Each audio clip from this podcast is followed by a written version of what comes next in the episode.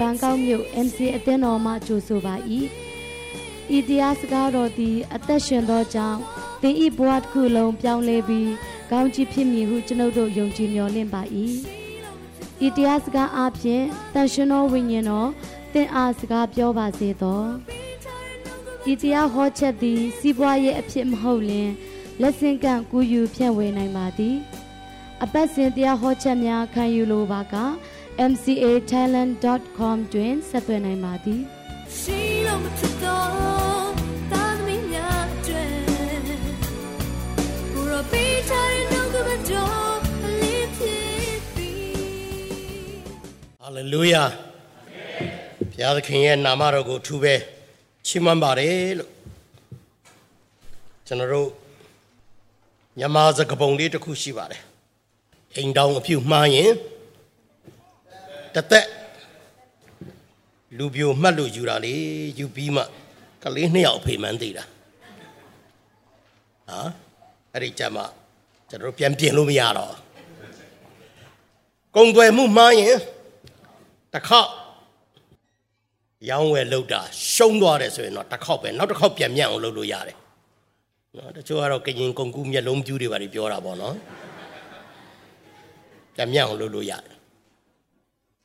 အမှားတကအမှားထဲမှာကြောက်စရာအကောင်းဆုံးအမှားကတော့ကိုးကွယ်မှုအမှားပဲကိုးကွယ်မှုမှားရင်သာဝရ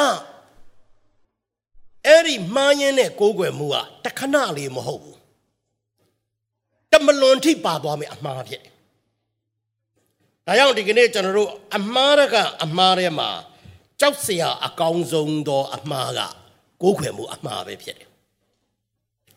အဲ့တော့ကိုးကွယ်မှုအမှားလို့ကျွန်တော်တို့ပြောတဲ့အခါမှာအထူးသဖြင့်ကျွန်တော်တို့ခရိယန်တွေကတော့ကိုးကွယ်မှုအမှားဆိုရင်တော့အိုးရုပ်ထုစင်းတို့ကိုးကွယ်တဲ့သူတွေအိုးတရိษံကိုးကွယ်တဲ့သူတွေလေဟိုတစ်ပင်ကိုးကွယ်တဲ့သူတွေငါးကိုးကွယ်တဲ့သူတွေနွားကိုးကွယ်တဲ့သူတွေဖားကိုးကွယ်တဲ့သူတွေဆိုပြီးတော့မှကျွန်တော်တို့ကအဲ့ဒီလူတွေကကိုးကွယ်မှုမှားတယ်လို့အဲ့ဒီလိုလက်ညှိုးထိုးတတ်တယ်ဒါလည်းမှတ်ပါတယ်နော်ဖယားမဟုတ်တဲ့အရာကိုဖယားအဖြစ်ကိုးကွယ်ခြင်းကလည်းဒါမှားတဲ့မဟာအမှားပဲဖြစ်တယ် အဲ့တော့ဒီကနေ့တော့ကျွန်တော်ကအဲ့ဒီအကြောင်းကိုပြောချင်တာတော့မဟုတ်ဘူးခရိယန်လို့ပြောပြီးတော့မှယုံကြည်သူလို့ပြောပြီးတော့မှကိုးကွယ်မှုမှားနေတဲ့အကြောင်းအရာလေးကိုဒီကနေ့ကျွန်တော်တို့စင်ကျင်စေခြင်းတယ်အဲ့ဒီလူကပို့ပြောဖို့ခက်မယ်လို့ကျွန်တော်ထင်တယ်ယုဒ္ဓစင်ကိုကိုးကွယ်နေတဲ့သူတယောက်ကမှန်ကန်တဲ့အသက်ရှင်တဲ့ဘုရားအကြောင်းကိုပြောလို့သူသဘောပေါက်သွားရင်သူချက်ချင်းဝင်ခံသွားမှာလေမှန်ကန်တဲ့ကိုးကွယ်ခြင်းတွေကိုရောက်လာမှာ ဒါပေမဲ့ကျွန်တော်တို့ကဘောနဂိန်တိုင်းပိုင်းမှာနေပြီးတော့မှကယ်ရင်ရင်တည်င်းစကားကိုကြားပြီးတော့မှခရိယန်ဖြစ်ပြီးတော့မှဖန်ဆင်းရှင်ဘုရားကိုကိုးကွယ်တယ်လို့ပြောပြီးတော့မှစက်မှန်တဲ့ကိုးကွယ်ခြင်းထဲမှာမရှိတဲ့သူကတော်တော်ပြောရခက်တယ်ဟုတ်တယ်လို့လို့နဲ့နော်မှန်တယ်လို့လို့နဲ့မှားနေတဲ့အတ္တတာမျိုးတွေကျွန်တော်တို့ရှိတတ်ပါတယ်နော်ဒါကြောင့်ဒီကနေ့ကျွန်တော်အဲ့ဒီကိုးကွယ်ခြင်းနဲ့ပတ်သက်ပြီးတော့မှကျွန်တော်ဝင်ခပေးခြင်းတာဖြစ်တယ် ရှင်ယောဟန်ခရစ်ဝင်ခန်းကြီး၄အပိုင်းငယ်23နဲ့24မှာတော့တိကျတဲ့ကိုးကွယ်ခြင်းရဲ့အတိတ်ဘယ်ကိုတမန်ကျမ်းစာကဖော်ပြပါတယ်ကိုးကွယ်တော်သူမှန်သမျှတို့သည်ခမဲတော်သည်ကိုနံဝိညာဉ်နဲ့၎င်းသစ္စာတရားနဲ့၎င်းကိုးကွယ်ရမည်အချိန်ကာလသည်လာ၍ယခုပင်ရောက်လျက်ရှိအကြောင်းမူကားထိုတို့ကိုးကွယ်သောသူတို့ကို ခမဲတော်သည် အလိုရှိတော်မူ၏ဖျားသခင်သည်နံဝိညာဉ်ဖြစ်တော်မူ၏ဖျားသခင်ကိုကိုးကွယ်သောသူတို့သည်နံဝိညာဉ်နှင့်၎င်းသစ္စာနှင့်၎င်းကိုးကွယ်ရမည်ဟု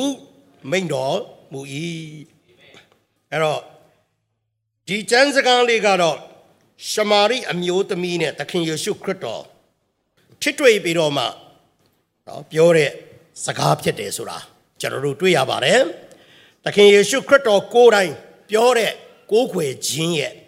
ပုံစံကိုးကွယ်ခြင်းရဲ့အတိတ်ဘယ်ကိုဖော်ပြတာဖြစ်တယ်ဆိုတာကျွန်တော်တို့တွေ့ရပါတယ်အဲ့တော့ကိုးကွယ်ခြင်းလို့ကျွန်တော်တို့ပြောတဲ့အခါမှာဖယားသခင်ကနံဝိညာဉ်ဖြစ်တယ်ဖယားသခင်ရဲ့အမျိုးအစားကဝိညာဉ်အမျိုးအစားနော်ဝိညာဉ်အမျိုးအစားဖြစ်တယ်အဲ့တော့အဲ့ဒီဝိညာဉ်အမျိုးအစားဖြစ်တဲ့ဖယားသခင်ကိုကိုးကွယ်တဲ့သူကတဲ့နံဝိညာဉ်နဲ့၎င်း သစ္စာနဲ့၎င်းဖော်ပြပါတယ်အဲ့ဒီနှစ်ချက်နဲ့ကိုးကွယ်ရမယ်လို့ပြောတယ်အဲ့တော့ကျွန်တော်တို့မှာကခန္ဓာရှိတယ်စိတ်ရှိတယ်ဝိညာဉ်ရှိတယ်သုံးခုရှိတယ်ကျွန်တော်တို့ဘာကအပိုင်းသုံးပိုင်းရှိတယ်ခန္ဓာကိုယ်မြင်ရလားကျွန်တော်ခန္ဓာကိုယ်မြင်ရလားဘယ်လိုနေလဲဟ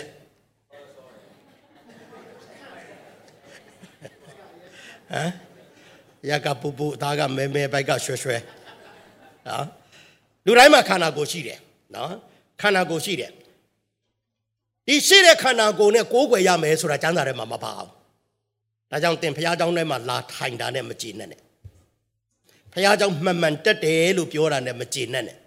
ငါကဘုရားကျောင်းတပတ်မှမပြတ်ဘူးဆိုတာနဲ့သင်ရဲ့တက်တာထဲမှာမှန်ကန်သောကိုးကွယ်ခြင်းတဲမှာမရှိသေးဘူးတခါတည်းမှာလူတွေက ခန္ဓာကိုယ်ဘုရားကျောင်းနဲ့ရောက်တာနဲ့ပဲကျင့်တတ်တာရှိတယ်လေတချို့ကစောစောစောစောအောင်မှာဟိုဟိုဆရာမຫນွယ်ပြောတယ်လေနော်အာယုန်တွေကလွင့်နေတာမျိုးရှိတတ်တယ်ခန္ဓာကိုယ်တော့ရှိနေတယ်လေခန္ဓာကိုယ်တော့ကျမ်းစာသင်ထဲမှာရှိနေတယ်ခန္ဓာကိုယ်ကဘုရားကျောင်းထဲမှာတော့ရှိနေတယ်ဒါပေမဲ့စိတ်ကအိမ်ပြန်ရောက်နေမယ်စိတ်ကူးစိတ်တန်းတွေကဟိုစိတ်ကူးလိုက်ဒီစိတ်ကူးလိုက်ဟိုဟာတရိယာလိုက်တရားတရိယာလိုက်အဲ့ဒါမျိုးကျွန်တော်တို့ဖြစ်နေလိမ့်မယ် အဲ့တော့ခန္ဓာကိုယ်နဲ့ကိုးကွယ်တဲ့အတ္တတာမျိုးမဖြစ်ဖို့ဒီကနေ့ကျွန်တော်တို့တရိထားဖို့အရေးကြီးတယ်ပြီးရင်စိတ်လူစိတ်ကဘာနဲ့တူတယ်လို့ပြောတယ်လူစိတ်ကမြောက်စိတ်လိုပဲလို့ပြောတယ်နော်ခုံဆွားခုံဆွားပေါ့ပြောမယ်ဆိုရင်နော်စိတ်ကဟိုရောက်လိုက်ဒီရောက်လိုက်လေဒီနေရာမှာထိုင်နေရင်းတဲ့ကကဘာပတ်နေတဲ့စိတ်တွေအများကြီးပဲဒီနေရာမှာထိုင်နေရင်းတဲ့ကိုအချောင်းအရာမျိုးစုံကိုစဉ်းစားပြီးတော့မှနော်အာတွေးခေါ်နေတာတွေ အများကြီးဖြစ်တယ်ဆိုတာကျွန်တော်တို့တွေးရတယ်ဒါကြောင့်အဲ့ဒီစိတ်နဲ့လည်းကိုးကွယ်ဖို့ကျမ်းစာကမပြောဘူးဖြစ်တယ်နော်အဲ့တော့ကျွန်တော်တို့ရဲ့ထဲထဲမှာဘာရှိသေးလဲဆိုရင်ဝိညာဉ်ရှိတယ်ဝိညာဉ်ရှိတယ်အဲ့တော့အဲ့ဒီဝိညာဉ်ရဲ့ဇစ်မြစ်ကနောက်ကျောင်းပြန်ကြည့်လိုက်လို့ရှိရင်ဖယားကိုယ်တိုင်ကပဲလူရဲ့နှာခေါင်းထဲမှာမှုတ်သွင်းတော်မူ၏လို့ပြောတာ။နော်မြေမုံကတွေယူပြီးတော့မှလူရဲ့ခန္ဓာကိုယ်ကိုဖန်ဆင်းတယ်ပြီးရင်နှာခေါင်းထဲမှာ ဇီဝအသက်ကိုမှုတ်သွင်းတယ်လို့ပြောတယ်။တရိစ္ဆာန်တွေလည်းခန္ဓာကိုယ်ရှိတယ်။တရိစ္ဆာန်တွေမှာလည်းစိတ်ရှိတယ်။ဒါပေမဲ့တရိစ္ဆာန်တွေကိုမှုတ်သွင်းနေဆိုတဲ့ဟာစံစာထဲမှာမပါအောင်။ဒါပေမဲ့သူတို့တို့မှာတော့အသက်ရှိတယ်။အဲ့ဒီအသက်ကရုပ်သက်ပဲခန္ဓာအသက်ပဲဖြစ်တယ်။အဲ့တော့ကျွန်တော်တို့ကရုပ်သက်လည်းရှိတယ်နံသက်လည်းရှိတယ်။ဖယားကိုယ်တိုင်ကမှုတ်သွင်းတယ်လို့ပြောတဲ့အတွက်ကြောင့်တနည်းအားဖြင့်ပြောမယ်ဆိုရင် အဲ့ဒါကဖယားကသူ့ရဲ့အမျိုးအစားလေးကိုကျွန်တော်တို့အထဲကိုထည့်လိုက်တာပဲ။ဒါကြောင့်ဝိညာဉ်ဆိုတာဖယားအမျိုးအစားဖြစ်တယ်။ဒါကြောင့်အဲ့ဒီဝိညာဉ်ဆိုတာဖယားအမျိုးအစားဖြစ်တဲ့အတွက်ကြောင့်ကျွန်တော်တို့အထဲထဲမှာရှိတဲ့ဒီဝိညာဉ်လေးနဲ့အဲ့ဒီနံဝိညာဉ်ဖျားနဲ့အဆက်အသွယ်ရပြီးချိတ်ဆက်ပြီးတော့မှကိုးကွယ်တဲ့အတ္တတာကဖျားလူခြင်းနဲ့ကိုးကွယ်ခြင်းဖြစ်တယ်ဆိုတာကျွန်တော်တို့တွေ့ရတယ်။ဒါကြောင့်အဲ့ဒီနံဝိညာဉ်ဖျားနဲ့ ကျွန်တော်တို့ရဲ့ဝိညာဉ်ကြားထဲမှာအပြစ်တရားကြောင့်ပြတ်တောက်ပြီးတော့မှကျွန်တော်တို့ရဲ့ဝိညာဉ်ပိုင်းဆိုင်ရာလေးကသေပြီးတော့မှလှုပ်ရှားမှုမရှိဘဲနဲ့သုံးလို့မရတော့ဘူးဖြစ်သွားတယ်။အပြစ်တရားဝင်လာတဲ့အခါမှာဒါကြောင့်လူတွေကအဲ့ဒီအပြစ်တရားကိုပဲကောင်းမှုကုသိုလ်နဲ့ဖြေးတယ်ကိုကျင့်တရားနဲ့ဖြေးတယ်ပြန်ဆက်အောင်လုပ်တယ်အလူဒါနတွေပေးရင်ပြန်ဆက်မလားကိုကျင့်တရားကောင်းရင်ပြန်ဆက်မလား တရားဓမ္မတွေအားထုတ်ပြီးတရားထိုင်တရားမှတ်လို့ရှိရင်ပြန်ဆက်မလားဆိုတာနဲ့ပဲစ조사ပြီးတော့မှအဲ့ဒီနံဝိညာဉ်ဘုရားနဲ့ကျွန်တော်တို့ရဲ့ဝိညာဉ်ကိုပြန်ဆက်ချင်တာဖြစ်တယ်။သို့တော့ကျမ်းစကားကမကြားနိုင်အောင်နားထိုင်တာမဟုတ်ဘူးမမြင်နိုင်အောင်မျက်စိကန်းတာမဟုတ်ဘူးတင်တို့ဒုစရိုက်တွေတင်တို့နဲ့ငါ့ကိုကွာစေတယ်တဲ့ကြားတော်မမူစေခြင်းကမျက်နာတော်ကိုလွှဲစေတယ် ဘာလို့လို့ဘုရားကြီးမဆိုင်တော့ဘာလို့လို့ဘုရားအတိမမပြုတော့ဘလောက်ပဲရွှေတွေယူလာလာငွေတွေယူလာလာဘလောက်ပဲကိုချင်းတရားကောင်းတဲ့ဟာနဲ့ပဲလာလာဘုရားသခင်ကအဲ့ဒီဒုစရိုက်အပြစ်ရှိတဲ့အတွက်ကြောင့်မျက်နာလွှဲတယ်လို့ပြောတယ်ဒါကြောင့်ကျွန်တော်တို့လူတွေဒီကိုနီးကိုဟန်နဲ့အဲ့ဒီနံဝိညာဉ်ဘုရားနဲ့ပြန်ဆက်အောင်လှုပ်လို့ကိုမရနိုင်ဘူးဆိုတာကျွန်တော်တို့တွေ့ရ။ဒါကြောင့်လူကမတတ်နိုင်ဘူး။လူကအပြစ်သားဖြစ်တယ်။ဒါပေမဲ့လူမတတ်နိုင်တဲ့အမှုကို ဘုရားသခင်တတ်နိုင်တယ်လို့ကျမ်းစာကပြောတဲ့အတွက်ကြောင့်ဘုရားဘက်ကတွေပဲအဲ့ဒီဝိညာဉ်ကိုအဆက်အသွယ်လုပ်ရတာဖြစ်တယ်။ဒါကြောင့်သူကိုယ်တိုင်လူစားတိခံယူပြီးတော့မှလူကဲ့သို့သောအဖြစ်၌ဖွားမြင်ခြင်းကိုခံယူပြီးတော့မှကျွန်တော်တို့အားလုံးလုံးသမျှအပြစ်တွေကိုစောစောကပွဲတော်မင်္ဂလာစားသွားပြီးပြီ။ချိုးဖဲလိုက်တဲ့မုတ်အပြစ်တရားရဲ့အခါသေးခြင်းကိုပေးဆက်တဲ့ခန္ဓာကိုတွန်းလိုက်တဲ့အသွေးတော် အသွေးမတွန်းတော့နေအပြစ်လွတ်ခြင်းမရှိဆိုတဲ့အတွက်ကြောင့်အပြစ်လွတ်ဖို့ရန်အတွက်သူအသွေးလာတွန်းပေးရတယ်အပြစ်တရားရခသေးခြင်းတွေကိုပြေပြောက်သွားဖို့ခြေပဖို့ရန်အတွက်ကားတိုင်းမှာနာကျင်သွားထိုးခြင်းနှိမ့်ဆက်ခြင်းကိုခံပြီးတော့မှလဝါကားတိုင်ပေါ်မှာအသေးခံခဲ့တဲ့အဲ့ဒီနှစ်ခုနဲ့ဖခင်ကကျွန်တော်တို့ကိုပြန်ဆက်ပြီးတော့မှကျွန်တော်တို့ရဲ့ဝိညာဉ်ကို ပြန်ပြီးတော့မှတဖန်ပြန်ရှင်တဲ့အသက်တာ born again ဒုတိယမွေးခြင်း ဝိညာဉ်အသက်ရခြင်းသာဝရအသက်ရခြင်းဆိုတဲ့အဲ့ဒီအသက်တာကိုဖျားကိုယ်တိုင်ကပဲပြန်ပြီးတော့မှလှုပ်ပြီးတဲ့အတွက်ကြောင့်ကျွန်တော်တို့ရဲ့ဝိညာဉ်နဲ့နံဝိညာဉ်ဖျားနဲ့ကဂျေဇူးတော်ကြောင့်ပြန်ပြီးဆက်သွားပြီ။ဒါကြောင့်အဲ့ဒီຢာကိုသဘောပေါက်နားလေတဲ့သူကကိုးကွယ်ခြင်းရဲ့ပထမတစ်ပိုင်းဖြစ်တဲ့နံဝိညာဉ်နဲ့ကိုးကွယ်ခြင်းဆိုတာကိုလိုင်းမိသွားပြီပေါ့။နော်။ နံဝိနဲ့ကိုးကွယ်ခြင်းဆိုတဲ့အသက်တာကိုသူကရသွားပြီဖြစ်တယ်ဆိုတာကျွန်တော်တို့တွေ့ရတယ်။ဒါကြောင့်အဲ့ဒီကိုးကွယ်ခြင်းလေးကိုပထမပိုင်းအနေနဲ့ကျွန်တော်တို့သဘောပေါက်ဖို့လိုတယ်။ထပ်ပြီးတော့မှဒုတိယတစ်ပိုင်းကဘာပြောလဲဆိုလို့ရှိရင်သစ္စာနဲ့၎င်းလို့ပြောပါနော်နံဝိညာဉ်နဲ့၎င်းသစ္စာနဲ့၎င်းလို့ပြောတယ်နံဝိညာဉ်ကတော့တမလွန်မှာငရဲကလွတ်ဖို့ရန်အတွက်တမလွန်မှာငရဲကလွတ်ဖို့ရန်အတွက် ကယ်တင်ရှင်စုကျေးဇူးကိုရဖို့ရန်အတွက်ဖယားကိုယ်တိုင်ကအဲ့ဒီနံဝိညာဉ်ဖယားကကျွန်တော်တို့ရဲ့နံဝိညာဉ်နဲ့ပြန်ပြီးအဆက်အသွယ်လှုပ်လိုက်တဲ့ကျေးဇူးတော်တရားလေးအပြင်ကျွန်တော်တမလွန်မှာငရဲသွားစရာမလိုတော့ဘူးဖြစ်တယ်သို့တော့ယုံနဲ့နံတွဲပြီးတော့မှအခုအသက်ရှင်နေတဲ့အချိန်ကာလလေးမှာခရိယန်တယောက်အနေနဲ့ကျွန်တော်တို့အသက်ရှင်နေရသေးတဲ့အတွက်ကြောင့်အဲ့ဒီခရိယန်အသက်ရှင်ခြင်းကိုတော့သစ္စာနဲ့ကိုးကွယ်တယ်ဆိုတဲ့ ခရိယန်အသက်တာရဲ့ကိုးကွယ်ခြင်းကိုဒီကနေ့ကျွန်တော်နားလဲသဘောပေါက်ဖို့ဖြစ်တယ်ဆိုတာကျွန်တော်တို့တွေ့ရတယ်။ဒါကြောင့်နံဝိညာဉ်နဲ့ကိုးကွယ်ခြင်းကတော့ဝိညာဉ်တမလွန်မှာငရဲမသွားတော့ကဲတင်ခြင်းရသွားတယ်။သစ္စာနဲ့ကိုးကွယ်ခြင်းကတော့နေ့စဉ်ခရိယန်အသက်တာထဲမှာရှောက်လန်းသွားလာတဲ့အခါမှာဒီကနေ့အဲ့ဒီသစ္စာတရားနဲ့ကျွန်တော်တို့ကကိုးကွယ်ရမှာဖြစ်တယ်။အဲ့တော့သစ္စာဆိုတာ the truth တမာတရားကိုပြောခြင်းဖြစ်တယ်။ အဲ့တော့တမာတရားဆိုတာဘာလဲဆိုလို့ရှိရင်ယောဟန်ခန်းကြီး7ခွန်ငယ်7ခွန်မှာကိုတော်ဤနှုတ်ကပတ်သည်တမာတရားဖြစ်ပါ၏။ဖျားပြောတဲ့စကားကသစ္စာတရားပဲ။ဖျားရဲ့နှုတ်ကပတ်ကသစ္စာတရားပဲ။အဲ့တော့နှုတ်ကပတ်တော်လို့ပြောတဲ့အတွက်ကြောင့်နှုတ်ကပတ်တော်နဲ့ကျမ်းစာကလည်းမတူပြန်ဘူး။ကျမ်းစာဆိုတာဒီစာအုပ်ထဲမှာရေးထားတဲ့ဟာအလုံးကိုကျမ်းစာခေါ်တာ။ဒီစာအုပ်ထဲမှာရေးထားတဲ့ ဒီစာအုပ်ကိုဘာစာအုပ်ခေါ်လဲကျမ်းစာအုပ်လို့ခေါ်တယ်အဲ့တော့ဒီကျမ်းစာအုပ်ထဲမှာစာတန်ပြောတဲ့စကားလည်းပါတယ်ဟုတ်တယ်နော်ဒီစာအုပ်ထဲမှာလူတွေပြောတဲ့စကားလည်းပါတယ်အစ္စရေးနိုင်ငံရဲ့တမိုင်းကြောင်းလည်းပါတယ်သိပ္ပံပညာလည်းပါတယ်ပထဝီပညာလည်းပါတယ်ဒီစာအုပ်ထဲမှာလူများမိမကြာခိုးတဲ့အကြောင်းမပါဘူးလားပါတယ်ဒီမှာမိမကတွေပြီးတော့မှယောက်ျားကိုလာငါနဲ့လူအေးရအောင်လို့ပြောတဲ့ဟာမပါဘူးလားဒီထဲမှာ ပါတယ်အဲ့ဒါကျမ်းစာအဲ့ဒီကျမ်းစာကိုဖွင့်ဖတ်ပြီးတော့မှဖျားကိုယ်တိုင်ကမျက်နှာချင်းဆိုင်ကျွန်တော်တို့ကိုစကားပြောလိုက်တဲ့အရာကိုရလိုက်တဲ့အရာကိုတော့နှုတ်ကပတ်တော်လို့ခေါ်တယ်။ဒါကြောင့်ကျမ်းစာဖတ်တဲ့အခါမှာနှုတ်ကပတ်တော်ရအောင်ဖတ်ရမယ်ကျွန်တော်တို့။ဓာတ်ရိုက်တောက်လျှောက် မျက်နှာချင်းဆိုင်ထိုင်ပြီးတော့မှစိတ်စိတ်ကြည့်ပြီးတော့မှငါသားမင်းဒါလုပ်ရမယ်ငါသမီးနင်ဒါလုပ်ရမယ်ဆိုတာမျိုးကိုပြောတဲ့စကားမျိုးရအောင်ကျမ်းစာကိုကျွန်တော်တို့ဖတ်ရအဲ့ဒီစကားရသွားခြင်းသည်ဖခင်ကတင့်ကိုအသက်ရှင်စေခြင်းတဲ့စကားပဲဒါကြောင့်နှုတ်ကပတ်တော်သည်ကျွန်ုပ်ခြေရှိမှာမိခွဲဖြစ်၍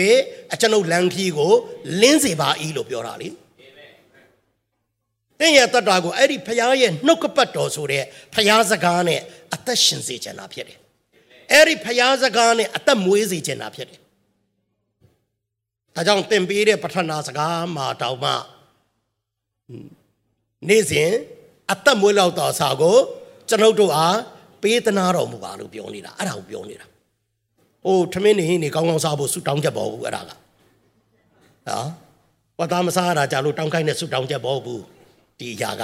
။နော်နေ့စဉ်အသက်မွေးလောက်တော်အစာလို့ပြောနေတာနှုတ်ကပတ်တော်ကိုပြောနေတာ။အဲ့ဒီနှုတ်ကပတ်တော်ကကျွန်တော်တို့အသက်မွေးရမယ့်အရာဖြစ်တယ်။အဲ့ဒီတမာတရားဆိုတဲ့ the truth ကိုရတဲ့အတ္တတာကစစ်မှန်တဲ့ကိုးကွယ်ခြင်းရဲ့လက္ခဏာတစ်ခုဖြစ်ပြန်ရောဒါကြောင့်ကျွန်တော်ပြောခြင်းနဲ့တင်းဒီကယ်ရင်စိတ်ချမှုတော့ရှိတယ်တိုးတော့ကျမ်းစာတော့တစ်ခါတလေမှပဲဖတ်ပြတဲ့ဆရာရဲ့မျက်စိကလည်းမှုံတယ်ကျမ်းစာဥကလည်းသေးတယ်ဆိုတော့ အဲ့ဒီအကြောင်းပြချက်တွေရှိတယ်လေနော်မရ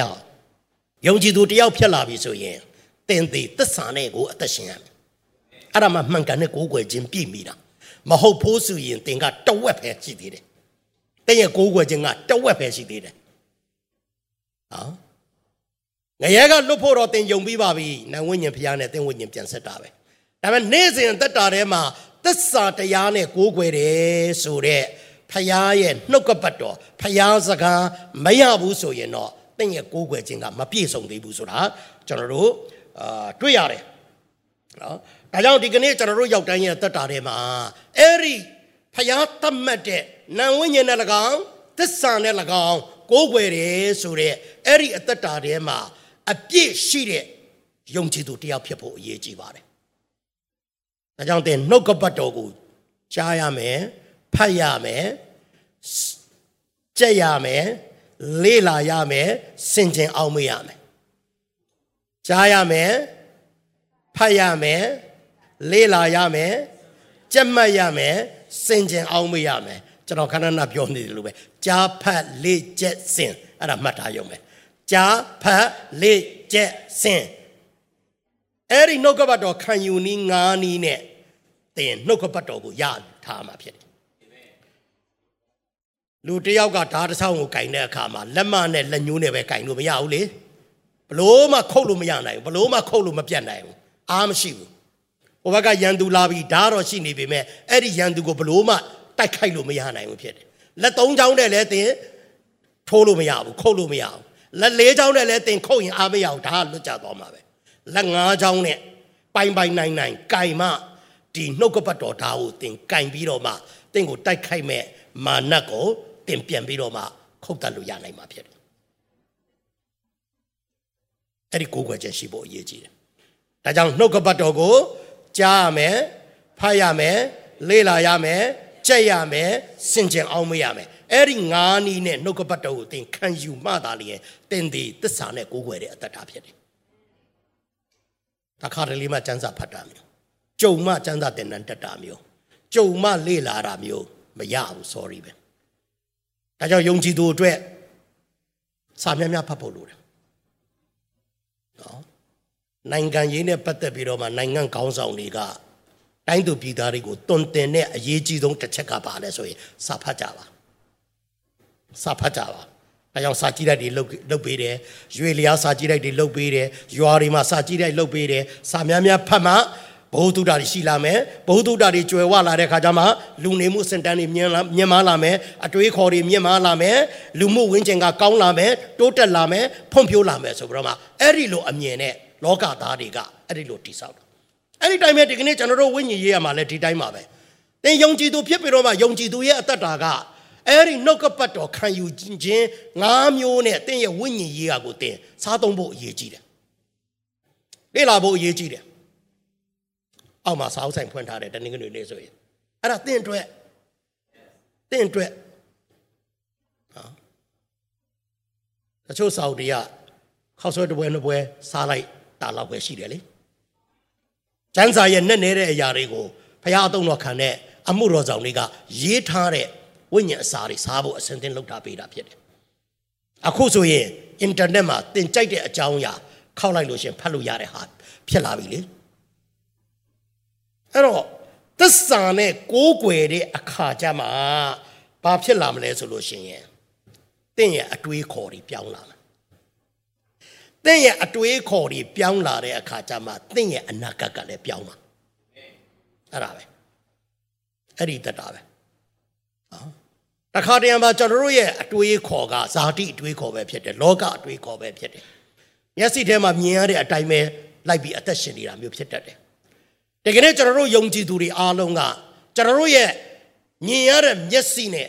ခန္ဓာမျက်စိနဲ့တွေ့တဲ့အတိုင်းမြင်တဲ့အတိုင်းခံစားတဲ့အတိုင်းအသက်ရှင်ရမယ့်သူတွေမဟုတ်ဘူးကျွန်တော်တို့အသက်ရှင်ရမယ့်ဟာကဘာနဲ့အသက်ရှင်ရမလဲဆိုရင်နှုတ်ကပတ်တော်နဲ့အသက်ရှင်ရမှာဒါကြောင့်နှုတ်ကပတ်တော်သည်အကျွန်ုပ်ခြေရှိမှာမိကွက်ဖြစ်၍အကျွန်ုပ်လမ်းကြီးကိုလင်းစေပါတယ်လို့ပြောနေတာဖြစ်တယ်။သင်လမ်းခရီးကမှောင်နေသလားမှိန်နေသလား အရေးကြီးတာမိထုံမှုအရေးကြီးတယ်လေ။ပန်ကောက်တို့ထိုင်းတို့ကတော့တိတ်မသိတာဘူးလေ။ပမာပြည့်သိတာတယ်လေ။မိခဏနာပြတ်တာအောင်။နော်အမောင်ထဲမှာကျွန်တော်တို့ကနေလာရတာဖြစ်တယ်။မိလာတာနဲ့အားလုံးကဟေးဆိုအော်ပြီးတော့မှပျော်တာလေ။မိလာတဲ့အခါကျတော့မြင်ရတယ်လေ။အော်ဒီမှာထိုင်ကုန်ရှောင်သွားလို့ရတယ်အာဒီနေရာမှာကြောက်တုံးကြော်သွားလို့ရဟာဒီနေရာတော့ဂျိုင်းကွက်ပဲကြော်သွားလို့ရဟာဒီနေရာမှာတော့စူးကြုံပဲရှောင်သွားလို့ရတယ်အကယ်၍သာ ပိတ်ပိတ်ပိတ်မှောင်နေမယ်ဆိုရင်အဲ့ဒီစူးကြုံနဲ့တက်မင်းနင်းပါပဲအဲ့ဒီကြောက်တုံးလဲခလုတ်တိုက်လဲပြီးတော့မှနှစ်ဖူးခွဲဒူပြဲဖြစ်မှာပဲအဲ့ဒီရေအိုင်လဲတက်နင်းပြီးတော့မှရှုံးဘတ်တွေပေးကုန်ပါပဲမမြင်ရတဲ့အခါမျိုးမှာဒီကနေ့ခရိယန်တယောက်ဖြစ်ပြီးတော့မှဒူးကွဲနှစ်ဖူးပြဲဖြစ်နေတဲ့ခရိယန်တွေမြောက်များစွာရှိတယ်။ဘာကြောင့်လဲအဲ့ဒါမိကွဲမရှိလို့အလင်းမရှိလို့တနည်းအားဖြင့်ပြောဆိုပြောမယ်ဆိုရင်တမာတရားနဲ့ကိုးကွယ်တဲ့အတ္တတာမရှိလို့ဖြစ်တယ်။ ဒါကြောင့်ကျမ်းစာကနံဝိညာဉ်ဖျားကိုနံဝိညာဉ်နဲ့၎င်းသစ္စာနဲ့၎င်းကိုးကွယ်ရမယ်လို့ပြောပါအဲ့ဒီသစ္စာနဲ့ခတ်စင်စင်တရားတွေရှိတယ်ကျွန်တော်ခဏခဏပြောသလိုပဲအမှန်တရား right right ဆိုတဲ့အမှန်တရားပြီးရင် good ဆိုတဲ့ကောင်းတဲ့တရားတူတယ်လို့ပဲဒါပေမဲ့အဲ့ဒီအဲ့ဒီ right တွေကတမာတရားမဟုတ်ဘူး အဲ့ဒီ good ဆိုတဲ့ကောင်းတဲ့တရားတွေကတမာတရားမဟုတ်ဘူး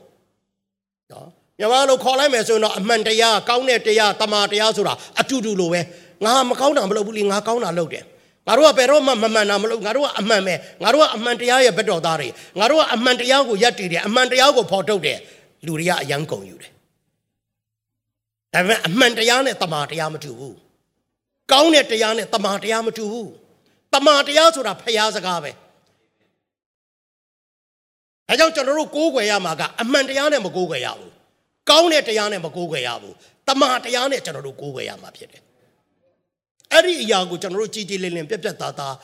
ကျွန်တော်တို့ယုံကြည်သူအရောက်တိုင်းရဲ့အသက်တာထဲမှာရှိဖို့အရေးကြီးတယ်ဆိုတာကျွန်တော်တို့တွေ့ရပါတယ်ဒါကြောင့်ကျွန်တော်တို့တူးချင်းစီရဲ့အသက်တာထဲမှာနံဝိညာဉ်ဖျားကိုနံဝိညာဉ်နဲ့ကိုးကွယ်တယ်ဆိုတာကဲတင်ခြင်းကိုရောက်စေတဲ့အရာဖြစ်တယ်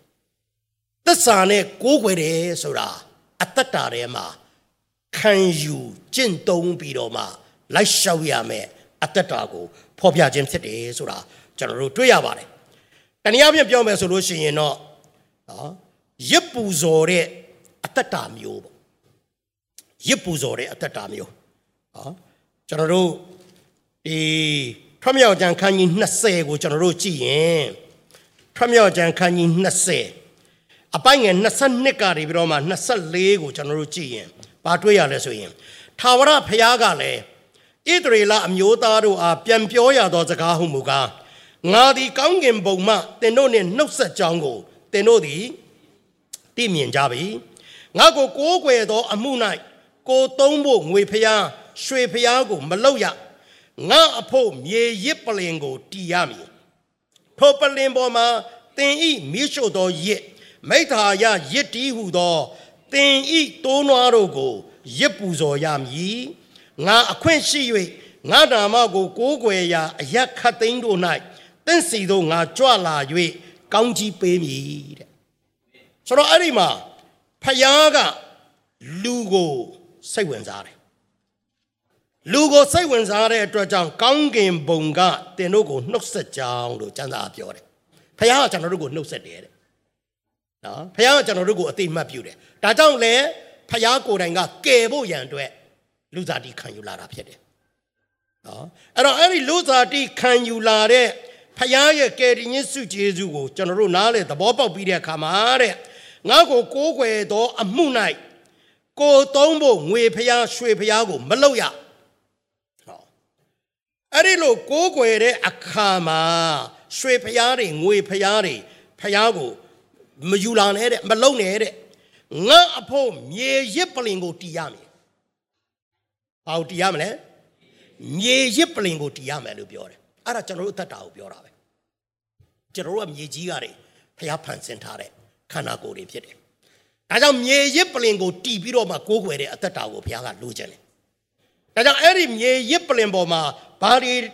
တင်ရမလဲဆိုလို့ရှိရင်သင်ဤမြေရှို့သောရစ် မိတ္တဟာယရစ်ထီးဟုသောသင်ဤတိုးနွားတို့ကိုရစ်ပူဇော်ရမည်တဲ့ကျွန်တော်တို့ရဲ့မြေရစ်ပလင်ပေါ်မှာတင်လူပူဇော်ရမယ့်ရစ်ကောင်ရှိဖို့အရေးကြီးတယ်နော်ရစ်ကောင်ရှိဖို့အရေးကြီးတယ်အဲ့တော့ယောမဩရာစာခန်းကြီး7ကိုကျွန်တော်တို့ကြည့်တဲ့အခါမှာအဲ့ဒီမှာရစ်ပူဇော်ဖို့ရန်အတွက်ဓမ္မသစ်နော်ကျမ်းစာမှာဖော်ပြထားတဲ့အရာရှိပါတယ် ဖခင်ကသူ့ကိုကိုးကွယ်တဲ့အခါမှာရစ်ပူဇော်ခြင်းနဲ့ကိုးကွယ်တာကိုလိုချင်တယ်နော်ဒါကြောင့်ဓမ္မသစ်ကာလရဲ့ရစ်ပူဇော်ခြင်းကဘာလဲလို့ကျွန်တော်တို့ကြည့်တဲ့အခါမှာယောမဩရာစာခန်းကြီး7အပိုင်းငယ်တစ်ကာတွေပြီးတော့မှကျွန်တော်တို့ကြည့်ရင်ညီကိုတို့အသက်ရှင်ခြင်းလက္ခဏာတန်ရှင်းခြင်းလက္ခဏာဖျားသခင်နှစ်သက်တော်မူပွေသောလက္ခဏာနှင့်ပြည့်စုံသောရစ်ကိုသင်တို့သည်ပူဇော်၍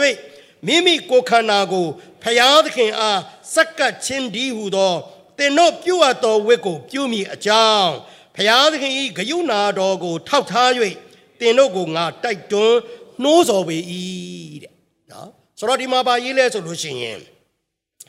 ဘုရားသခင်ရဲ့ဂယုဏတော်ကို ထောက်ထား၍သင်တို့ကိုငါတိုက်တွန်းတယ်လို့ပြောတယ်ဂယုဏတော်ကို ထောက်ထား၍လို့ပြောနေတာကဖခင်ရဲ့ကျေးဇူးတရားကိုဂယုစိုက်ပါ ဖခင်ကိုဂယုစိုက်ပါဖခင်ကိုမထီမဲ့မြင်မပြုတ်ပါနဲ့လို့ပြောနေတာပဲအမှန်တော့အဲ့ဒီစကားကဂယုဏတော်ကိုထောက်ထားတယ်ဆိုတာကနော်ဒါကြောင့်ကျွန်တော်တို့ရဲ့အသက်ရှင်မှုကဖခင်ရဲ့ဂယုဏတော်ကိုထောက်ထားဖို့တင်းရဲ့ပြဿနာတင်းရဲ့အခက်အခဲတင်းရဲ့အနာဂတ်တင်းရဲ့ဆုံးဖြတ်ချက်တွေအားလုံးကဖခင်ရဲ့ဂယုဏတော်ကိုထောက်ထားပြီးတော့မှတင်းအသက်ရှင်တော်သူဖြစ်ဖို့အရေးကြီးတယ်ကိုယ်စိတ်တိုင်းကြဆုံးဖြတ်လိုက်ဖို့မဟုတ်ကိုယ်ခံစားချက်နဲ့ဆုံးဖြတ်လိုက်ဖို့မဟုတ်ဘူး လူတွေကနောင်တမရအောင်ဘာကြောင့်နောင်တမရလဲကိုယ်ခံစားချက်နဲ့ကိုယ်အသက်ရှင်လို့နောင်တမရတာအာနောင်တရတယ်ဆိုတာဘာလဲကိုယ်ခံစားချက်ကိုဘေးဖက်ပလိုက်တာဖယားဘာပြောတယ်လဲဆိုတာယူလိုက်တာအဲ့ဒါစစ်မှန်တဲ့နောင်တဖယားစကားနဲ့ကိုယ့်ရဲ့အသက်တာကိုရှင်လိုက်တာဖယားစကားနဲ့ကိုယ့်ရဲ့ပြဿနာကိုဖြေရှင်းပြတာဖယားစကားနဲ့ကျွန်တော်တို့ရဲ့မိသားစုအရေးဖယားစကားနဲ့ကျွန်တော်တို့ရဲ့လုပ်ငန်းဖယားစကားနဲ့ကျွန်တော်တို့ရဲ့အနာဂတ်ရည်မှန်းချက်တွေကိုအကောင့်ထဲပေါ်ဖြစ်တာအဲ့ဒီအသက်တာကိုဘုရားလိုချင်တာအဲ့ဒါသစ္စာနဲ့ကိုးကွယ်တဲ့အသက်တာပဲ အဲ့ဒါပြည့်စုံတဲ့ကိုးကွယ်ခြင်းပဲအဲ့ဒါရစ်ပူဇော်ခြင်းပဲဖြစ်တယ်ဆိုတာကျွန်တော်တွေ့ရတယ်ဒါကြောင့်ဒီမှာအသက်ရှင်ခြင်းလက္ခဏာတန်ရှင်းခြင်းလက္ခဏာဖျားသခင်နှစ်သက်တော်မူပေသောလက္ခဏာနဲ့ပြည့်စုံသောရစ်ကိုသင်တို့သည်ပူဇော်၍မိမိကိုယ်ခန္ဓာကိုဘုရားသခင်အားစက္ကပ်ခြင်းဒီဟုသောသင်တို့ပြုအပ်သောဝဲလို့ပြောပါတယ်အဲ့ဒါကျွန်တော်တို့ရစ်ပူဇော်ရမယ်အရာဖြစ်တယ်ဆိုတာကျွန်တော်တို့တွေ့ရပါတယ် အာဗြဟံကသူအင်မတန်မှချစ်ပြီးတော့မှအသက်ကြီးမှရတဲ့သားတူဒီတော်သားအင်မတန်မှချစ်တဲ့သားဖယားသခင်ကရစ်ပူဇော်ခိုင်းတဲ့အခါမှာညင်းလားမညင်းဘူးနော်မညင်းဘူးအဲ့တော့ဒီကပောင်းကျမ်းခန်းကြီး22ကိုကျွန်တော်ကြည့်တဲ့အခါမှာအာဗြဟံကိုဖယားသခင်တတ်မှတ်ပေးတဲ့ပြောထားတဲ့အာစကားလေးတစ်ခုရှိတယ်နော် အဲ့ဒီຢာလေးကအရန်ကောင်းတယ်ကပောင်းကျမ်းခန်းကြီး22အငယ်7မှာထိုလူလင်ကိုမထိမခိုက်နဲ့အလင်းမပြုတ်နဲ့သင်သည်ဖျားသခင်ကိုကြောက်ရွံ့သည်ဟုယခုငါသိ၏အကြောင်းမူကားသင်ဤသားသင်၌တယောက်ထီးသောသားကိုငါတောင်း၍သင်သည်ငါကိုမငင်းဟုမိန်တော်မူ၏တဲ့တယောက်ထီးသောသားတူးထီးသောသားကိုဖျားတောင်းတဲ့အခါမှာအာဗြဟံကငင်းလားမငင်းဘူး သူ့သားကိုခေါ်သွားတယ်ထင်းလဲပါသွားတယ်မီးလဲပါသွားတယ်ဓာလဲပါသွားတယ်တွားရင်တွားရင်ရတယ်တာဖနှစ်ယောက်စကားတပြောပြောနဲ့တွားတော့တောင်ပေါ်ရောက်တဲ့အခါမှာရစ်ပလင်တီးတယ်တီးပြီးတဲ့အခါကျတော့ဣဇက်ကမေးတယ်အဖေခင်းလဲပါတယ်မီးလဲပါတယ်ရစ်ပလင်လဲတီးပြီးပြီးရစ်ကောင်ကဘယ်မှာလဲအဖေရစ်ကောင်ကသူဖြစ်မှန်းသူမသိဘူးလေဒါပေမဲ့အာဗြဟံသိတယ် ရစ်ကောင်ကငါသားပဲမင်းပဲဆိုတာအာဗြဟံသိနေတယ်နောက်ဆုံးဣဇက်ကိုကြိုးတုပ်လိုက်ပြီအဲ့ဒီချိန်ဣဇက်တည်သွားပြီ။အော်ရက်ကောင်ကငါပါလားဆိုတာကြိုးချီလိုက်တယ်ကြိုးတုပ်လိုက်တယ်ရစ်ပလင်ကိုတင်လိုက်တယ်ပါလာတဲ့ဓားကိုဆွဲထုတ်ပြီးတော့မှခုတ်ဖို့ရန်အတွက်ရွယ်လိုက်တဲ့အချိန်မှာပဲဖခင်ကဒီလူလင်ကိုမထီနဲ့မင်းသားကိုချလိုက်တော့ ဟိုးဂျုံထဲမှာဂျုံညိနေတဲ့တိုးရှိတယ်ရစ်ပူဇော်လိုက်အာဗြဟံကဖယားသခင်ထံမှာရစ်ပူဇော်တယ်မငင်းဘူးအဲ့ဒီအတွက်ကြောင့်အာဗြဟံရဲ့အမျိုးကဒီကနေ့တည်းတည်းကောင်းကင်ကျေခဲ့သူများနေတာဒီကနေ့တည်းတည်းအဲ့ဒီအမျိုးကိုဘယ်သူမှထိလို့မရဘူးဒီကနေ့တည်းတည်းအဲ့ဒီအမျိုးကဘယ်တော့မှအောက်ကြနောက်ကြမရှိဘူးဒီကနေ့တည်းတည်းကဘာပေါ်မှာ တကဘာလုံးအတိုင်းတာနဲ့ကဘာတဝန်းလုံးမှာအဲ့ဒီအမျိုးတွေကောင်းစားနေတာဖျားစကားကိုဝန်ခံပြီးတော့မှရစ်ပူစော်တဲ့အသက်တာကြောင့်ဖြစ်တယ်အဲ့ဒီအရာကဒါကြောင့်ဒီကနေ့ကျွန်တော်တို့ရောက်တိုင်းရဲ့အသက်တာထဲမှာလေသင်ဒီစစ်မှန်တဲ့ the truth ဆိုတဲ့သစ္စာစကားဆိုတဲ့တမန်တရားနဲ့သင်ဒီရစ်ပူဆိုတဲ့အသက်တာနဲ့အသက်ရှင်တဲ့ကိုးကွယ်မှုရှိဖို့အရေးကြီးပါတယ်ဝိညာဉ်ကတော့တမလုံငရဲက ငရဲသွားကြမလို့တော့ဘူးလို့စိတ်ချမှုရတဲ့ကျေးဇူးတော်တရားကိုသင်သဘောပေါက်ပေမဲ့လို့နေ့စဉ်အသက်တာရဲ့အသက်ရှင်မှုထဲမှာသင်ဒီတမာတရားနဲ့သစ္စာနဲ့ကိုးကွယ်တဲ့အသက်တာရစ်ပူဆိုတဲ့အသက်တာရှိဖို့ဖခင်ကအလိုရှိတယ်ဆိုတာကျွန်တော်တို့တွေ့ရပါတယ်နော်ဒါကြောင့်ဗာဆက်ပြောလဲဆိုလို့ရှိရင်တော့သင်တို့ဂယုဏတော်ကိုထောက်ထား၍သင်တို့ကိုငါတိုက်တွန်းနှိုးဆော်ပေ၏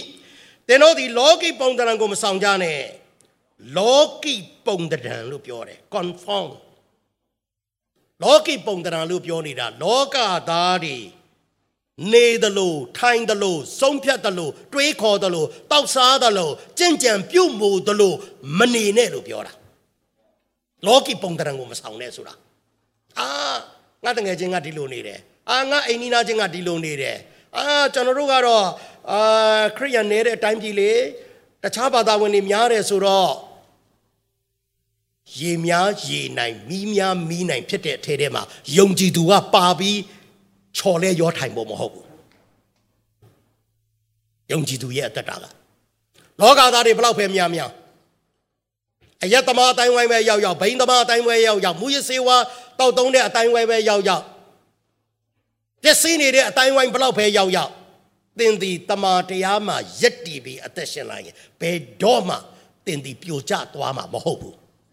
အဲ့ဒါခရစ်တော်တိတိကျကျပြောတယ်လေအကျဉ်းသူသည်ငါဟောပြောသောစကားကိုကြား၍နားထောင်၍ထိုသူသည်ကြောက်ပေါ်မှာအိမ်ဆောက်သောပညာရှိဖြစ်တယ်မိုးရွာမယ်လေတိုက်မယ်ရေစီးမယ်ထိုအိမ်ကအပြိုမလဲဘူးမိုးများများရွာလို့ပြိုလဲသွားမှာမဟုတ်ဘူး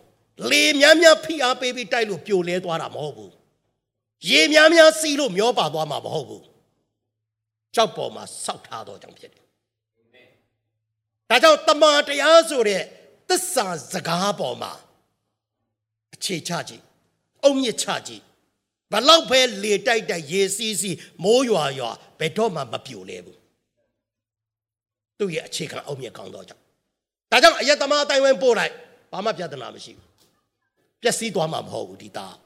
တခါလေကျွန်တော်တို့ပြောတတ်တယ်မလားဟာကျမသားလေးပျက်စီးသွားပြီဆရာကြီးဆူတောင်းပေးပါဦးကျမတို့ကကောင်းမယ်ထင်လို့မြို့ပို့လိုက်တာ ရန်ကုန်ပို့လိုက်တာနိုင်ငံခြားပို့လိုက်တာအခုတော့ကျမသားလေးကအပေါင်းအသင်းမှပြီးပျက်စီးသွားတယ်ဆရာရဲ့လို့အဲ့ဒီလိုဘေးပတ်ဝန်းကျင်ကအပေါင်းအသင်းကိုကျွန်တော်တို့ကလက်ညှိုးထိုးခြင်းလားမှားတယ်အဲ့ဒါအပေါင်းအသင်းမကောင်းလို့မဟုတ်ဘူးတိဆောက်မှုမကောင်းလို့အဲ့ဒီသားလေးကိုနှုတ်ကပတ်တော်နဲ့အခြေခံအုံမြင့်ကောင်းကောင်းနဲ့တာတိဆောက်ပေးကြည့်ဘလောက်မိုးရွာရွာရေစီးစီးလေတိုက်တိုက်ဘယ်တော့မှမပြိုဒါကြောင့်ပြိုကျပျက်စီးခြင်းဆိုတာ ဘေးပတ်ဝန်းကျင်နဲ့မဆိုင်ဘူးတိဆောက်မှုနဲ့ပဲဆိုင်တယ်အဲ့ဒီတိဆောက်မှုကောင်းကောင်းနဲ့သာတိဆောက်ပေးကြည့်စောစောကပြောသလိုအယက်သမားအတိုင်းဝိုင်းနဲ့ပို့ပြဿနာမရှိဘူးသူအယက်သမားမဖြစ်သွားဘူးအယက်သမားတွေတောင်ပြောင်းလဲလာမှာဘိုးရစေဝါပေါ်တဲ့နေရာပို့ကြည့်မူရစေဝါသူ့ကိုမဖုံးလန်းသွားဘူးသူကပဲအဲ့ဒီမူရစေဝါသမားတွေပြောင်းလဲအောင်သူလုပ်မှာတမာတရားနဲ့ယက်တီတဲ့သားအဲ့ဒီတက်တာမျိုးဖျားလိုချင်လားအဲ့ဒီကိုးကွယ်မှုမျိုးဖျားလိုချင်လား ဒါကြောင့်ဒီကနေ့ကျွန်တော်တို့ရောက်တိုင်းရဲ့တက်တာထဲမှာသစ္စာနဲ့ကိုးကွယ်တယ်ဆိုတဲ့အဲ့ဒီတက်တာရှိဖို့လိုတယ်ဒါကြောင့်လောကီပုံသဏ္ဍာန်ကိုမဆောင်ကြနဲ့ကောင်းမြတ်သောအရာနှစ်သက်ဖွယ်သောအရာစုံလင်သောအရာဒီဟူသောဖျားသခင်အလိုတော်ရှိသောအရာသည်အဘယ်အရာဖြစ်သည်ကိုသင်နိုင်မည်အကြောင်းဟောဖျားအလိုတော်ကဘာလဲဆိုတာကိုခံယူတဲ့သူသင်ကြားနိုင်တဲ့သူသင်ယူနိုင်တဲ့သူဖြစ်မဲ့အကြောင်းနဲ့ စိတ်နှလုံးကိုအသစ်ပြင်ဆင်၍ပုံတရံပြောင်းလဲခြင်းသို့ရောက်ကြလော့အဲ့ဒီမှာကျွန်တော်တို့ရဲ့စိတ်နှလုံးကျွန်တော်တို့ရဲ့ mindset ပေါ့ကျွန်တော်တို့ရဲ့စိတ်နှလုံးကိုကျွန်တော်တို့ရဲ့အတွေးခေါ်ကိုကျွန်တော်တို့ရဲ့ခောက်ရိုးကျိုးနေတဲ့ခံယူချက်တွေကိုဒီကနေ့ကျွန်တော်ပြောင်းပြဖို့အရေးကြီးတယ်။ စိတ်နှလုံးကိုအသက်ပြင်ဆင်၍ပုံတရံပြောင်းလဲခြင်းတို့ရောက်ကြလော့ဆိုတာ transform ကျွန်တော်ဒီအာထိုင်းနိုင်ငံမှာလည်းတိတ်မတွေ့ရအောင်အမေရိကတို့ဘာလို့ရောက်လဲတိတ်မတွေ့ရအောင်ကျွန်တော်တို့မြန်မာပြည်မှာပဲတွေ့ရတဲ့အတခုရှိတယ်အိမ်တိုင်းလိုလိုမှာ transformer ဟုတ်တယ်နော်မီးအားမြင့်ဆက်ပေါ့ဟာတခြားနိုင်ငံတွေမှာမတွေ့ရဘူးမီးအားမြင့်ဆက်ဆိုတာ ဟိုးဟိုပင်မကြီးကလွတ်ကြတဲ့ကိုက220အပြည့်လွတ်တာလေအဲ့တော့ဘာမှမလိုဘူးသူကသုံးလို့ရပြီသားဒါပေမဲ့ကျွန်တော်မြန်မာပြည်ကလျှက်စင်ပြည်ကတော့သိရမလားတချို့က90တချို့က150တချို့က85တချို့က120အဲ့လောက်နဲ့ကအလုံးမဖြစ်ဘူးဖြစ်နေတော့ဘာလုပ်ရလဲဆိုတော့အဲ့ဒီ transformer တွေလုပ်ရတယ်ဒါကြောင့် transformer လုတ်ရောင်းတဲ့သူတွေကအရန်ချမ်းသာတာကိုအိမ်ဆောက်ပေမဲ့တိုက်ကောင်းကောင်းဆောက်ပေမဲ့ transformer မပါရင် အဲကွန်လည်းသုံးလို့မရဘူးရေခဲတက်တာလည်းသုံးလို့မရဘူးအဲ့ဒါကြောင့် transformer ဝယ်ဝယ်ပြီးရင်စင်စင်ပြီးတဲ့အခါကျမှဟိုကဝင်တာကအာ150ပဲဝင်တယ်ဆို transformer ခံလိုက်တဲ့အခါမှာဒီဘက်မှာ220ထွက်တာအဲ့ကြမှာသုံးလို့ရတယ်အဲကွန်လည်းသုံးလို့ရတယ်ပန်ကာလည်းသုံးလို့ရေခဲတက်တာလည်းသုံးလို့ရတယ်စံချိန်ပြီးသွားတာပေါ့အဲ့တော့ဒီမှာလဲကျမ်းစာကဘာပြောလဲဆိုစိတ်လုံးကိုအသက်ပြင်ဆင်၍ပုံတရံပြောင်းလဲခြင်းတို့ရောက်ကြတော့ transform ဖြစ်ရမယ်ပြောင်းရမယ်ကျွန်တော်တို့ရဲ့နှလုံးသားတွေ ဒါကြောင့်ကျွန်တော်တို့ရဲ့ mindset ပြောင်းရမယ်ဟာကျွန်တော်တို့ရဲ့ mindset ကအသက်ပြင်ဆင်ရမယ်ဘာနဲ့ပြင်ဆင်ရမလဲဘာနဲ့ပြောင်းရမလဲဆိုရင်အဲ့ဒီတမာတရားစကားနဲ့ပဲပြောင်းရမှာဒါကြောင့်ကျွန်တော်တို့ရဲ့အတွေးခေါ်ပြောင်းရင်ကျွန်တော်တို့ရဲ့အတွေးခေါ်တွေကိုအသက်ပြင်ဆင်ရင်ကျွန်တော်တို့ရဲ့ခံစားချက်တွေပြောင်းလာပါပဲကျွန်တော်တို့ရဲ့ခံစားချက်တွေပြောင်းလာရင်ကျွန်တော်တို့ရဲ့အနာဂတ်ပြောင်းလာပါပဲ ဘုရားကအဲ့ဒီတတ်တာကိုလိုချင်တာဖြစ်တယ်ဒါကြောင့်တင့်ရဲ့စိတ်ကူးတင့်ရဲ့ခံစားချက်အဲ့ဒါနဲ့တင်သက်ရှင်ဖို့မဟုတ်ဘူးတခါတည်းမှာလူကခံစားချက်ရှိတယ်လေနင်ကဒီလိုလုပ်တော့ငါဒီလိုလုပ်တာပေါ့သူကဒီလိုပြောတာလေအဲ့တော့ကျွန်တော်လည်းဒီလိုတုံ့ပြန်လိုက်တာပေါ့ဆိုတော့လူတော်တော်များများကခံစားချက်နဲ့ပဲရှင်နေတာပြဿနာတွေကိုမင်းလည်းခံစားချက်တွေပဲပြောနေတာ तू ကဒီလိုလုပ်တယ် तू ကဒီလိုဒါ तू ကဒီလိုလုပ်မပေးဘူးလေကျွန်တော်ကတော့ဒီလိုလုပ်တယ် तू ကတော့ဒီလိုလုပ်မပေးဒါတွေပဲထွက်နေတာ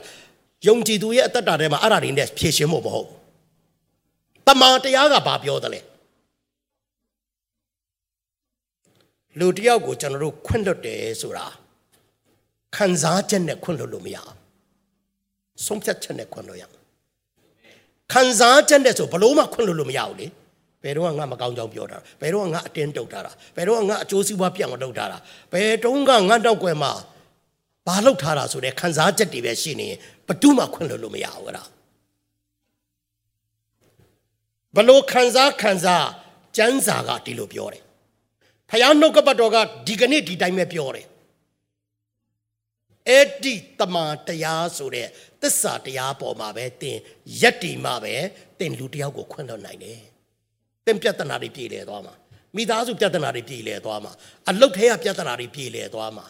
ရက်ွက်ထဲကပြဿနာတွေပြည်လည်သွားမှာတိုင်းနိုင်ငံမှာကြောက်ရွံ့တဲ့ပြဿနာတွေပြည်လည်သွားမှာဒါကြောင့်သစ္စာဆိုတဲ့တမန်တရားနဲ့ကိုးကွယ်တတ်တဲ့အသက်တာဘုရားကလိုချင်နေဆိုတာကျွန်တော်တို့တွေ့ရတယ်။ဒါကြောင့်ကျွန်တော်တို့ရောက်တိုင်းရဲ့အသက်တာထဲမှာကျွန်တော်တို့ရဲ့ mindset တွေပြောင်းဖို့အရေးကြီးတယ် transform လုပ်လိုက်ဖို့အရေးကြီးတယ်နော်ဒါကြောင့် စိတ်နှလုံးကိုအသစ်ပြင်ဆင်၍ပုံတရံပြောင်းလဲခြင်းတို့ရောက်ကြလောနော်ဆိုပြီးတော့မှတမန်ကျမ်းစာကဖော်ပြတယ်တင်တို့ဒီကိုကိုထင်သည့်သည့်အတိုင်းထက်လွန်၍မထင်ပဲဖျားခင်ဒီလူအသီးသီးတို့ဟာယုံကြည်ခြင်းကိုဝေပေးတော်မူသည်နှင့်အညီကိုကိုကိုလျှောက်ပတ်စွာထင်ရမည်အကြောင်းဆိုပြီးတော့မှအဲ့ဒီမှာဖော်ပြတယ်ကျွန်တော်တို့အထင်နေနဲ့ကျွန်တော်တို့ရှင်ရှင်နေဖို့မဟုတ်အထင်ဆိုတာစိတ်ခံစားမှုလေ စိတ်ခံစားမှုတွေနဲ့ကျွန်တော်တို့ရှင်နေဖို့မဟုတ်ဘူးစိတ်ခံစားမှုတွေနဲ့ကျွန်တော်တို့ဆုံးဖြတ်နေဖို့မဟုတ်ဘူးခြေလန်းလန်းနေဖို့မဟုတ်ဘူးအဲ့ဒါဘုဒုက္ခရောက်မှာပဲစိတ်ခံစားမှုတွေကတင်သွားနေ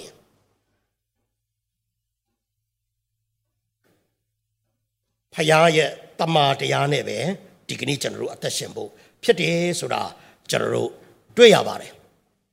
ဒါကြောင့်နောင်တဆိုတာကျွန်တော်တို့အတွေးခေါ်တွေပြောင်းပြတာပဲကျွန်တော်တို့ရဲ့စိတ်ခံစားမှုနဲ့ ခံစားနေတာမဟုတ်ဘဲနဲ့တမာတရားကဘာပြောသလဲဆိုတာကိုခံယူပြီးအသက်ရှင်တဲ့သူကအဲ့ဒါစစ်မှန်တဲ့နောင်တရတဲ့သူပဲဒါကြောင့်တမာတရားစကားကကျွန်တော်တို့ရဲ့တက်တာထဲမှာအရေးကြီးတယ်ဆိုတာကျွန်တော်တို့တွေ့ရဒါကြောင့်အဲ့ဒီတမာတရားစကားနဲ့ပဲဖခင်ကကျွန်တော်တို့ကိုတန့်ရှင်းစေချင်တာဖြစ်တယ်ဒီမနေ့ကျွန်တော်အာစံစာတင်ပြီးတော့နော်ယောဘဝတ္ထုမှာဗာပြောလဲဆိုလို့ရှိရင် တင်ဒီမဆိုင်မလင့်တန်ရှင်းဖြောက်မှတ်သောသဘောနဲ့ဘုရားသခင်ကိုရှာ၍အနန္တတကိုးရှင်အားတောင်းပန်လျင်စင်စစ်တင့်အတွက်ကိုတော်သည်ထပြီးလျင်တင်ဤဖြောက်မှတ်သောနေရာကိုကောင်းစားစေတော်မူသဖြင့်တင်သည်အစအဦး၌ငယ်တော်လဲနောက်ဆုံး၌အလွန်ကြီးပွားလိမ့်မည်ဒီကနေ့လူတွေကအလွန်ကြီးပွားမယ်ဆိုတာတော့လိုချင်တယ်လေကြီးပွားတာကိုလိုချင်တယ်နော် ချမ်းသာတာကိုလိုချင်တယ်ကြွယ်ဝတာကိုလိုချင်တယ်ဖွံ့ဖြိုးတိုးတက်တာကိုလိုချင်တယ်အဲ့တော့ဒီမှာလဲချမ်းသာကအဖြေပေးပါတယ်သင်သည်အစာဦး၌ငယ်တော်လဲနောက်ဆုံး၌အလွန်ကြီးပွားလိမ့်မယ်လို့ပြောတယ်ဒါပေမဲ့ဘလို့လူမျိုးကိုပြောတာလဲဆိုလို့ရှိရင်တော့တန်ရှင်းဖြောက်မှတ်သောသဘောနဲ့ဖယားသခင်ကိုရှာ၍အနန္တတကိုးရှင်အားတောင်းပန်လျင်စင်စစ်တင့်အတွက်ကိုတော်သည်ထပြီးလျင်ဖယားကြွလာမယ် အဲ့ဒီနေရာမှာဖယားကြွလာဘလို့နေရာလဲတန်ရှင်းဖြောက်မှတ်ခြင်းနဲ့အသက်ရှင်နဲ့အသက်တာအဲ့တော့တန်ရှင်းဖြောက်မှတ်ခြင်းနဲ့အသက်ရှင်နဲ့အသက်တာဆိုတာဘာလဲတမာတရားကိုခံယူလိုက်တာတမာတရားကိုအသက်တာထဲမှာလိုက်လျှောက်လိုက်တာနာခံလိုက်တာကိုယ့်ရဲ့စိတ်ခံစားမှုနဲ့မဟုတ်ဘူးဘယ်တော့ကဘာလုပ်ထားတာဘယ်တော့ကအတင်းပြောထားတာဘယ်တော့ကပိုင်းထားတာဘယ်တော့ကကြောသွားတာဘယ်တော့ကလူလေလုတ်သွားတာအဲ့ဒါတွေမဟုတ်ဘူးအဲ့ဒါခံစားချက်ပဲ တမာတရားကခွင့်လွတ်ဆိုတဲ့အတွက်ကြောင့်ငါခွင့်လွတ်လိုက်တယ်အဲ့ဒါတန်ရှင်းလာတယ်အဲ့ဒီတက်တာပါအဲ့ဒီတက်တာနဲ့ကျွန်တော်တို့ရဲ့ကိုးကွယ်ခြင်းကိုတိဆောက်ဖို့ဖခင်ကအလိုရှိတယ်ဆိုတာကျွန်တော်တို့တွေ့ရပါတယ်ဒါကြောင့်ဒီကနေ့ကျွန်တော်တို့ရောက်တိုင်းရဲ့အသက်တာထဲမှာအာဗြဟံဆိုလို့ရှိရင်ယုံကြည်ခြင်းရဲ့ဖခင်ဆိုတာတန်းတည်တယ်လေအဲ့ဒီနာမည်နဲ့သူကစရင်ထွက်တာအာဗြဟံလို့ပြောတာနဲ့ပြန်မယ် father of faith အဲ့တော့ကျွန်တော်တို့နာမည်ကြားတာနဲ့ကိုကျွန်တော်တို့ဘာဘာဘာဘာနာမည်ထွက်မလဲဟာကျွန်တော်နာမည်ကြားတာနဲ့ကိုဘာနဲ့တွဲထွက်မလဲအပေါက်ဆိုးတဲ့လူလို့တွဲထွက်မလားဒေါသကြီးတဲ့လူလို့တွဲထွက်မလားခွင့်မလွတ်တဲ့လူလို့တွဲထွက်မလားရန်တိတ်ဖြစ်တဲ့လူလို့တွဲထွက်မလားတိတ်စွာတဲ့လူလို့တွဲထွက်မလားဘာနဲ့တွဲထွက်မလဲအာဗြဟံကတော့ယုံကြည်ခြင်းရဲ့ဖခင်ဆိုတာ ਨੇ သူ့ရဲ့နာမည်က တတွဲတည်းလာတယ်ဆိုတာကျွန်တော်တို့တွေ့ရပါတယ်ဒါကြောင့်ဒီကနေ့ကျွန်တော်တို့ယုံကြည်သူရောက်တိုင်းရဲ့တက်တာထဲမှာတမာတရားနဲ့ကိုးကွယ်တတ်တဲ့နော်အသက်တာကိုဘုရားကလိုချင်တယ်ဆိုတာကျွန်တော်တို့တွေ့ရပါတယ်နောက်ဆုံးကျမ်းပိုက်လေးကျွန်တော်ဖတ်ပြီးတော့မှကျွန်တော်ဒီကုန်းချုပ်ချင်ပါတယ်ကောရိန္သုဩဝါဒစာဒုတိယဆောင်အခန်းကြီး9ကောရိန္သုဩဝါဒစာဒုတိယဆောင်အခန်းကြီး9အပိုက်ငယ်15ကိုကျွန်တော်တို့ကြည့်တဲ့အခါမှာတော့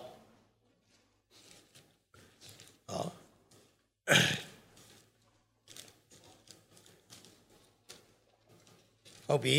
အခန်းကြီး9အငယ်15မှာလူအပေါင်းတို့သည်သေလျက်နေကြသည်ဟု၍၎င်းအသက်ရှင်သောသူတို့သည်တဖန်ကိုအလိုတို့လိုက်၍မရှင်သူတို့အတွက်ကြောင့်အသေးခံပြီးမှထမြောက်တော်မူသောသူ၏အလိုတို့လိုက်၍ရှင်စေမြစ်အကြောင်းတဲ့ဟောအဲ့ဒီမှာဘာရေးလဲဆိုလို့ရှိရင် အသက်ရှင်သောသူတို့သည်တဖန်ကိုအလိုတို့လိုက်၍မရှင်သူတို့အတွက်ကြောင့်အသေးခံပြီးမှထမြောက်တော်မူသောသူဤအလိုတို့လိုက်၍အသေးခံပြီးထမြောက်တော်သူကဘာတူလဲယေရှုပဲလေအဲ့တော့ဒီကနေ့ကျွန်တော်တို့ရောက်တိုင်းရဲ့အသက်တာကကျွန်တော်တို့အလိုတိုင်းလိုက်ပြီးရှင်ဖို့မဟုတ်ဘူးတဲ့ကျွန်တော်တို့အတွက်အသေးခံပြီးတော့မှထမြောက်တော်သူရဲ့အလိုကိုလိုက်ပြီးတော့မှ ရှင်ဖို့ဖြစ်တယ်လို့ပြောပါအဲ့ဒါတမန်တရားနဲ့အသက်ရှင်ခြင်းပဲဖះဘာပြောတယ်လဲဖះဘာခိုင်းတယ်လဲဖះဘာပေါ်ပြတယ်လဲအဲ့ဒီအသက်တာနဲ့ခြေလန်းလန်းတဲ့အသက်တာကအဲ့ဒါသစ္စာနဲ့၎င်းကိုးခွေတဲ့အသက်တာဖြစ်ပါတယ်ဒါကြောင့်ဒီကနေ့ဖះလိုချင်တာကကိုးကွယ်တဲ့သူတွေကနံဝိညာဉ်ဖရာကိုနံဝိညာဉ်နဲ့၎င်းသစ္စာနဲ့၎င်းကိုးကွယ်တယ်။ ဒါကြောင့်စစ်မှန်တဲ့ကိုးကွယ်တော်သူဖြစ်ဖို့ဒီကနေ့ကျွန်တော်တို့ရဲ့တတ္တာများကိုပြင်ဆင်ရအောင်။မှန်ကန်တဲ့ကိုးကွယ်ခြင်းထဲမှာယက်တီလျှောက်လန်းတဲ့အတ္တတာဖြစ်ဖို့ဒီကနေ့ကျွန်တော်တို့အတ္တတာများကိုကျွန်တော်တို့ယက်တီကြရအောင်။ဒါကြောင့်ကျွန်တော်တို့ရောက်တိုင်းတမာတရားမှာမှု့လျော်ပါ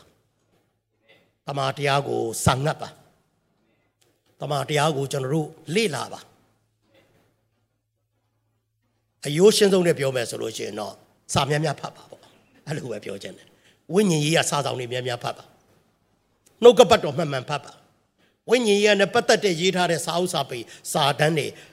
ဖတ်ပါနားထောင်ပါခံယူပါအဲ့ဒီအတ္တတာအတိုင်းပဲသင်ရဲ့အတ္တတာကိုပုံစံချပါအဲ့ဒီတမန်တရားပြောတဲ့အတိုင်းပဲရဲရဲဝံ့ဝံ့သင်ပုံစံချပြီးတော့အသက်ရှင်အဲ့ဒါတမန်တရားနဲ့အသက်ရှင်တဲ့အတ္တတာပဲအဲ့ဒီတမန်တရားနဲ့အသက်ရှင်တဲ့သူတွေကတဲ့ကျမ်းစာကပြောတယ်ဘယ်တော့မှငတ်ပြီးတောင်းစားတာတခါမှမကြားဘူးဘူးတဲ့ စာလံဆရာကဒီတိုင်းပဲပြောတယ်နော်ဒါကြောင့်ကျွန်တော်တို့ရောက်တိုင်းရဲ့တက်တာတယ်မှာတခါတရံမှာလေကျွန်တော်ဟိုတလော Facebook တခုကြည့်တော့ဒီ businessman တယောက်ကနော်ဟိုစကားတူတူလေးပြောပြီးတော့မှသူ့ရဲ့ business ဟိုဟောပြောဝဲကိုလာဖို့ပြောတဲ့စကားတခွန်းလေးကျွန်တော်ဖတ်လိုက်တော့ဘာပြောလဲဆိုလို့ရှိရင်အိတ်ဆွေတဲ့တင်က business လုပ်မယ်ဆိုတာအရန်ကောင်းပါတယ်တဲ့ဒါပေမဲ့တဲ့တင်ငွေနောက်မလိုက်နဲ့တဲ့ မယုံကြည်သူနော်စီးပွားရေးသမားအဲ့လိုပြောတာ business ဟောပြောပွဲမှာပြောမဲ့သူကအဲ့တိုင်းပြောတာတင်ငွေနောက်မလိုက်နဲ့တဲ့ငွေကပဲတင်နောက်ကိုလိုက်လာပါစီတဲ့အဲ့တော့ဒီကနေ့လဲကျွန်တော်တို့ရောက်တိုင်းရဲ့အသက်တာထဲမှာဝိညာဉ်လူကလောကနောက်လိုက်ဖို့မဟုတ်ဘူးငွေနောက်လိုက်ဖို့မဟုတ်အလုံးနောက်လိုက်ဖို့မဟုတ်ဘူးလောကယာတွေနဲ့အချိန်ကုန်ဖို့မဟုတ်ဘူးလောကီပုံတံကိုမဆောင်ကြနဲ့လို့ပြောတဲ့ဖျားနှစ်သက်တဲ့ရစ်ပူဇော်ခြင်းနဲ့တင့်ရဲ့ကိုယ်ခန္ဓာကို ဖျားသခင်ကိုရစ်ပူဇော်ဖို့အရေးကြီးပါတယ်။ဒါကြောင့်တင့်ရဲ့ခရိယန်အသက်တာသည်တမန်တရားစကားအဖြစ်ပဲရစ်ပူဇော်ပြီးတော့မှသစ္စာနဲ့ကိုးကွယ်တယ်ဆိုတဲ့ the truth နဲ့တမန်တရားနဲ့ဖျားပြောတဲ့စကားနဲ့ကိုးကွယ်တယ်ဆိုတဲ့အသက်တာထဲမှာပဲစစ်မှန်တဲ့ပြည့်မီတဲ့ကိုးကွယ်တော်သူ ဖြစ်ပြီးတော့မှဒီကိုးကွယ်ခြင်းရဲ့ကောင်းကျိုးချမ်းသာကိုခံစားပါစေ ကိုးကွယ်ရာအရက်ခတ်သိမ်းမှာငါကြွလာမယ်ဆိုသည့်အတိုင်းပဲဖခင်ရဲ့အကြည့်ရှုကြွလာခြင်းကိုခံစားပြီးအသက်ရှင်သောအသက်တာများမိသားစုများလုပ်ငန်းများမနှက်ဖြန်များဖြစ်ပါစေလို့ဒီနှုတ်ကပတ်တော်အပြင်ဝေငါအပေးလိုပါတယ်လို့ရောက်တိုင်းဘုရားသခင်ကောင်းချီးပေးပါစေလို့